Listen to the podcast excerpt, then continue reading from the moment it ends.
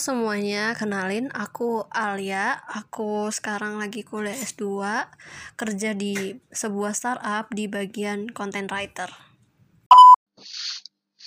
Hey, welcome back to channel podcastnya tim pengajar sosiologi organisasi dan birokrasi digital. Masih dengan Mbak Nat di sini dan juga tamu spesial tentang virtual organizations Alia. Terakhir, kalian masih ingat kan apa sih platform yang dipakai kerja buat Alia? So, here we go. Kita lanjut lagi ya. Oh, biasanya sih pakai Trello. Jadi Trello tuh semacam kayak ada card-cardnya gitu. Nanti kita bisa kayak ada deadline-nya dikerjain kapan, nanti bisa di attach pakai Google Drive juga. Jadi nah terus kalau misalnya kita mau komunikasi pakai Telegram.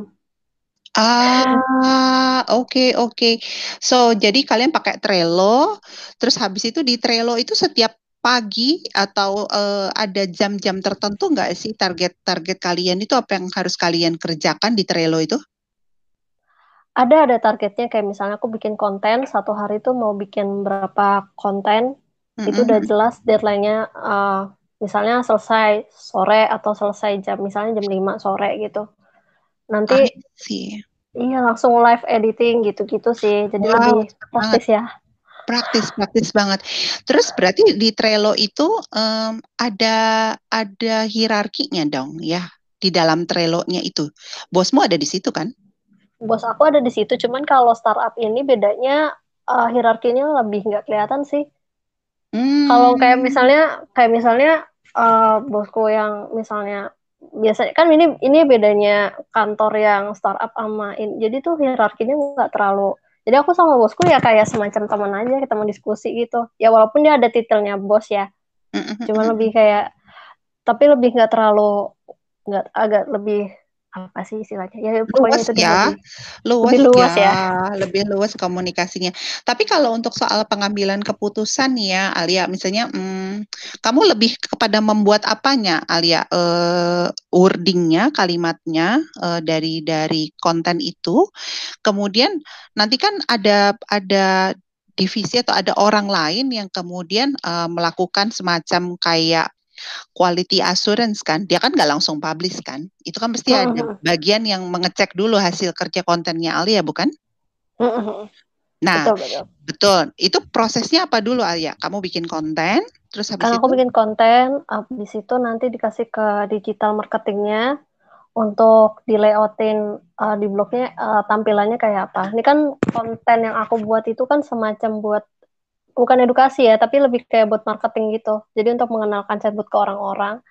Jadi uh, aku ngasihnya ke orang digital marketing nanti di proses lebih lanjutnya untuk dipublikasi gitu di blognya.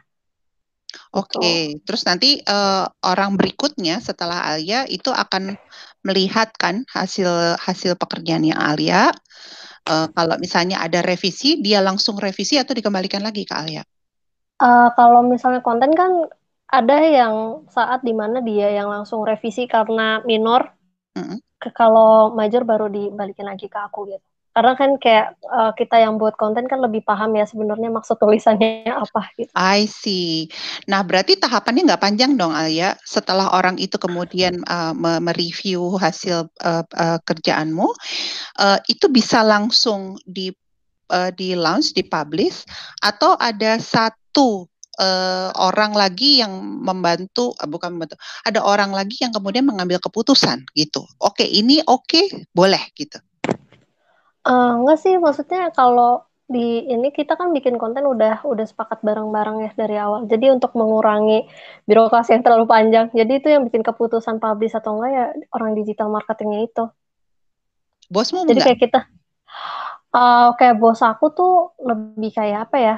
Uh, dia cuman ACC di depan aja kayak oh kita kan sebelum bikin konten kan udah oh mau idenya apa aja nih gitu. Atau misalnya bosnya tinggal dia udah ah. bikin idenya gitu. Nah nanti aku aku sama orang digital marketing ini tinggal eksekusi aja gitu istilahnya. I see. Jadi kalian ada meeting dulu tuh ya sebelum konten itu dibuat ya? Ya ada meeting meeting dulu lah ininya I see. Oh, jadi prosesnya kalian sepakati dulu konten-konten apa yang akan dibuat, kemudian nanti berbagi tugas gitu ya. Ada yang kayak Alia, Alia sendiri atau ada orang lain juga yang bekerja mirip kayak Alia gitu? Uh, waktu itu aku kan aku ada kantornya dua ya, ada yang di Jakarta, ada yang di Bandung. Ada satu lagi yang di Bandung sih. Hmm. Oke, okay. Oke oke oke good. Berarti habis itu sudah kalian buat kontennya karena dianggap kalian paling tahu dong ya kalian. Iya uh, iya betul. Uh, kalian specialize, kalian skillful gitu kan terhadap bidang itu dan nanti tinggal sih digital marketingnya yang me sedikit merevisi kemudian sudah publish gitu ya. Jadi pendek banget ya hierarkinya ya pendek ya. Maksudnya kan kita mungkin kalau misalnya di tempat lain kan panjang nih harus tanda tangan ACC siapa dulu, ini ya, ini pintunya ya. ke mana dulu. Kalau ini kalau kita tuh lebih lebih pendek ininya, ininya birokrasinya nggak terlalu ribet lah istilahnya. Ya. Ya, ya itu itu uh, menariknya dari dari sebuah sebuah uh, birokrasi digital ya kalau menurut Mbak ketimbang yang di kantor kita harus berlapis dulu dari mana ke mana ke mana gitu. Oke, Alia, thank you very much. Terima kasih banyak banget. Um, ini akan menjadi satu uh, penjelasan yang uh, ilustrasi yang menurutku uh, membumi ya buat teman-teman yang akan belajar belajar sosiologi organisasi. Um, terima kasih banget waktunya Ayah. Kasih Mbak Nat. Sukses selalu ya buat buat kuliahnya dan nggak tahu mungkin setelah ini kamu uh, kerja di bagian konten lagi atau mau pindah bidang? Gak tahu ya, pengennya sih kayaknya terusin di konten dulu kali ya. Sip, mantap.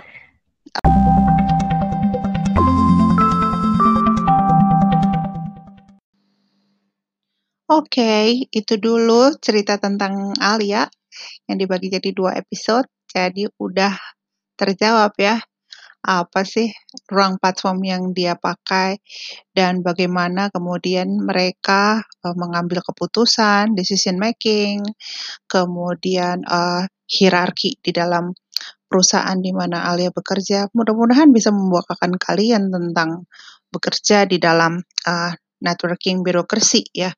Dan apa yang dialami Alia itu adalah bagian dari manifestasi networking birokrasi itu sendiri yaitu si virtual organizations.